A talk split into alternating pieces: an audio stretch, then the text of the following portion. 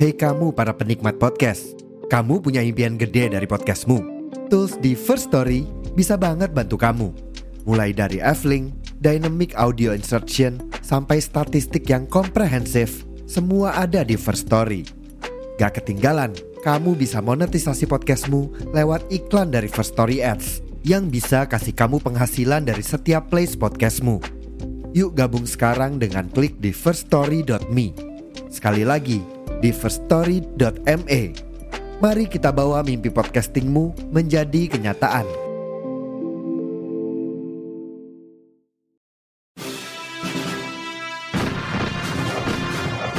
Saya berbicara di sini sebagai penyambung lidah rakyat Indonesia.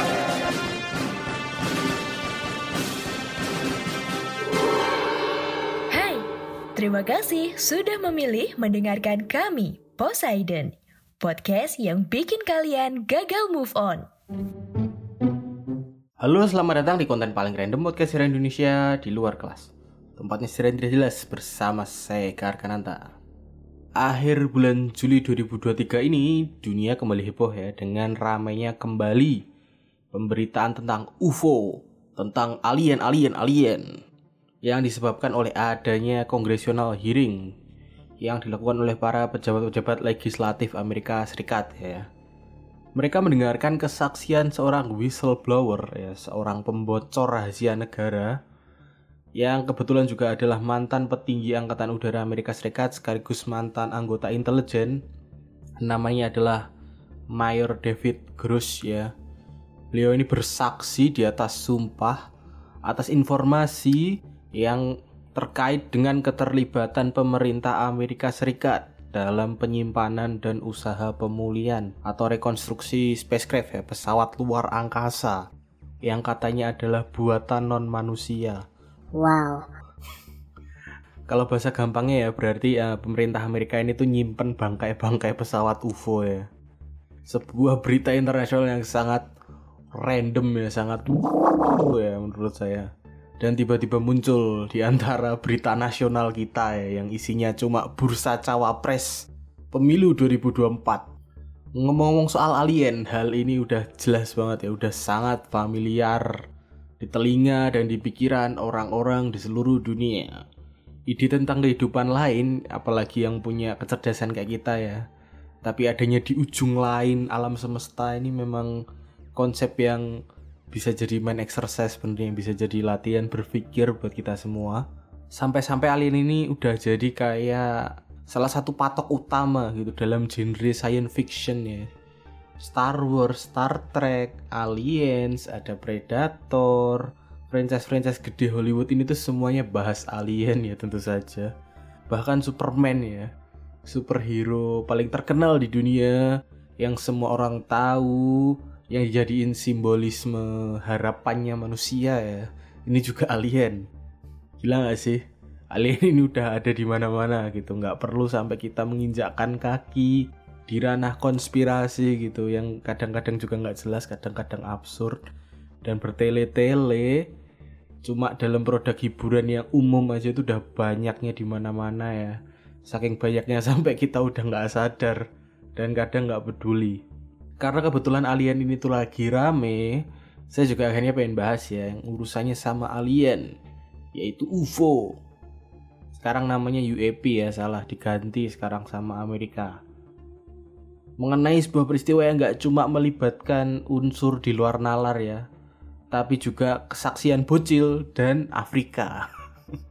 Benar sekali, saya juga nggak akan pernah ngira kalau alien, bocil, dan Afrika itu akan muncul di sebuah kalimat yang sama ya.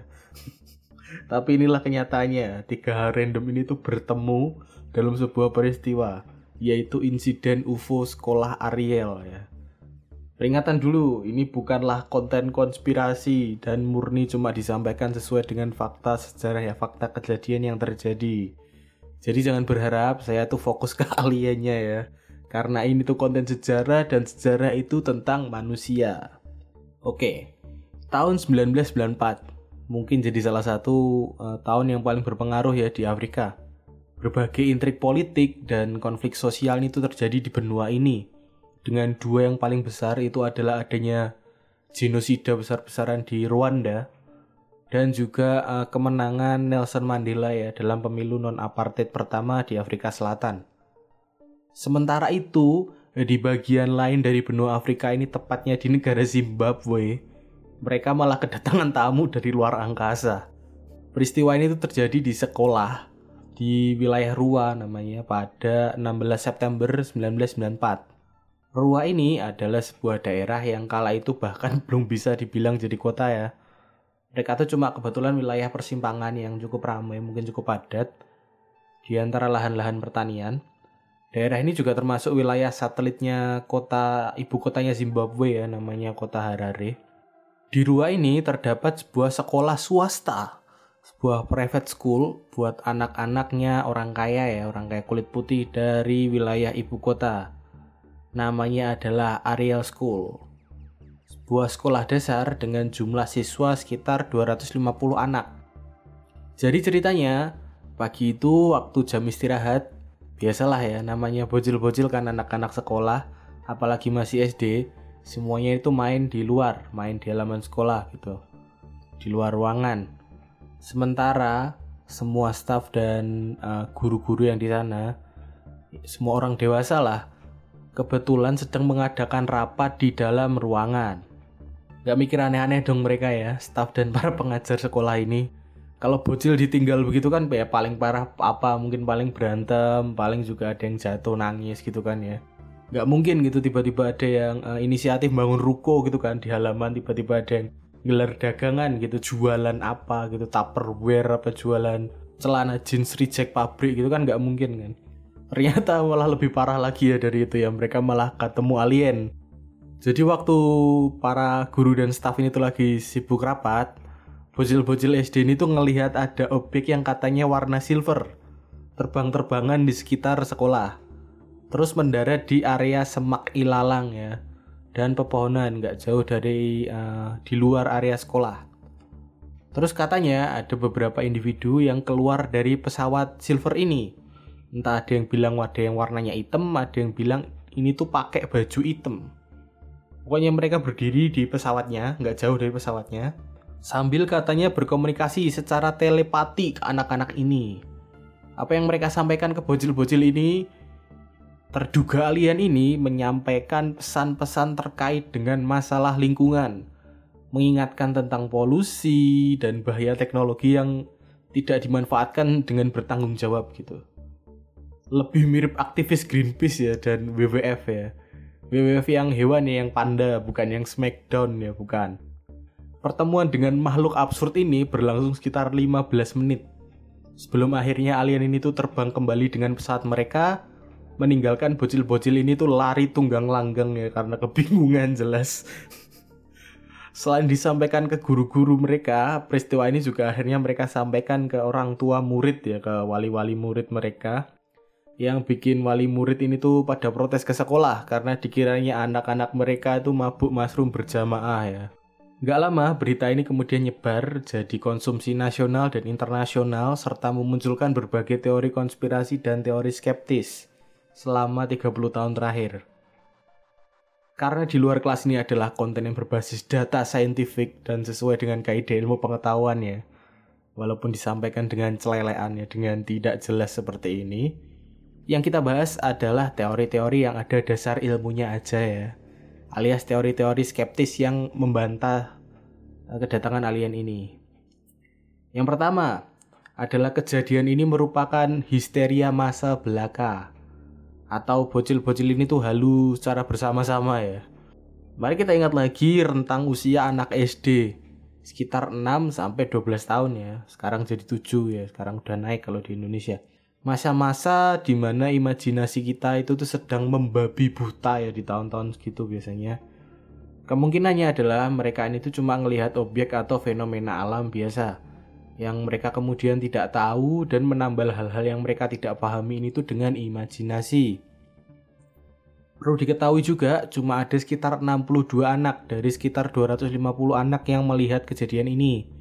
Padahal semuanya juga ada di tempat yang sama, semuanya juga ada di luar, tapi nggak semuanya ngelihat. deskripsi dan gambar yang dibikin sama bocil-bocil ini juga nggak terlalu mirip ya, nggak terlalu konsisten antara satu sama lain. Ya namanya juga anak-anak ya. Fakta yang kedua, mereka kemungkinan melihat sisa trail atau melihat sisa jalur re-entry dari bagian booster roket Zenit 2 miliknya Uni Soviet ya yang masuk lagi ke atmosfer bumi setelah sukses mengirim satelit Cosmo 2290 ya ke orbit pada akhir bulan Agustus. Dan yang ketiga adalah kesalahan identifikasi bocil-bocil ini dengan boneka dan mobil miliknya organisasi African Research and Educational Puppetry Program ya. Sebuah organisasi yang di antara tahun-tahun itu memang sedang uh, berkeliling Afrika untuk mengadakan kampanye terkait dengan penyakit AIDS ya. Kemiripan deskripsi alien oleh bocil-bocil ini memang mirip sama boneka-boneka yang dipakai sama organisasi ini dalam pertunjukan mereka. Dan juga warna mobil yang mereka pakai ini tuh juga sama kayak warna pesawat alien ini ya, sama-sama silver. Hal ini belum lagi ditambah sama teknik penelitian dan wawancara yang digunakan oleh para penelitian yang katanya pro alien ini tuh pada anak-anak ini tuh terlalu uh, dinilai kurang validasi gitu. Cara interview mereka tuh salah ya sama anak-anak ini.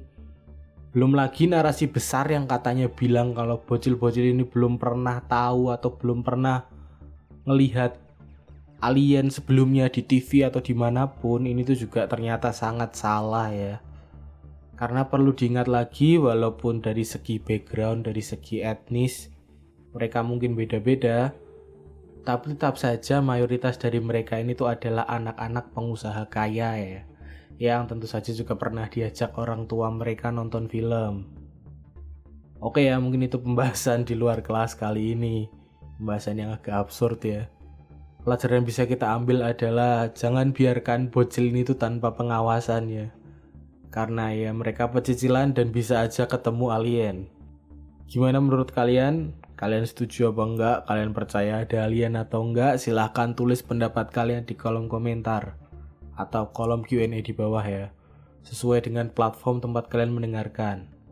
Bisa juga ke Instagram Poseidon di @podcast atau ke Instagram saya ya di @rotikecap. Terima kasih yang sudah mendengarkan. Jika ada kesalahan, saya mohon maaf besar-besarnya. Saya Eka Arkananta pamit. Sampai bertemu di konten Poseidon lainnya. Bye-bye.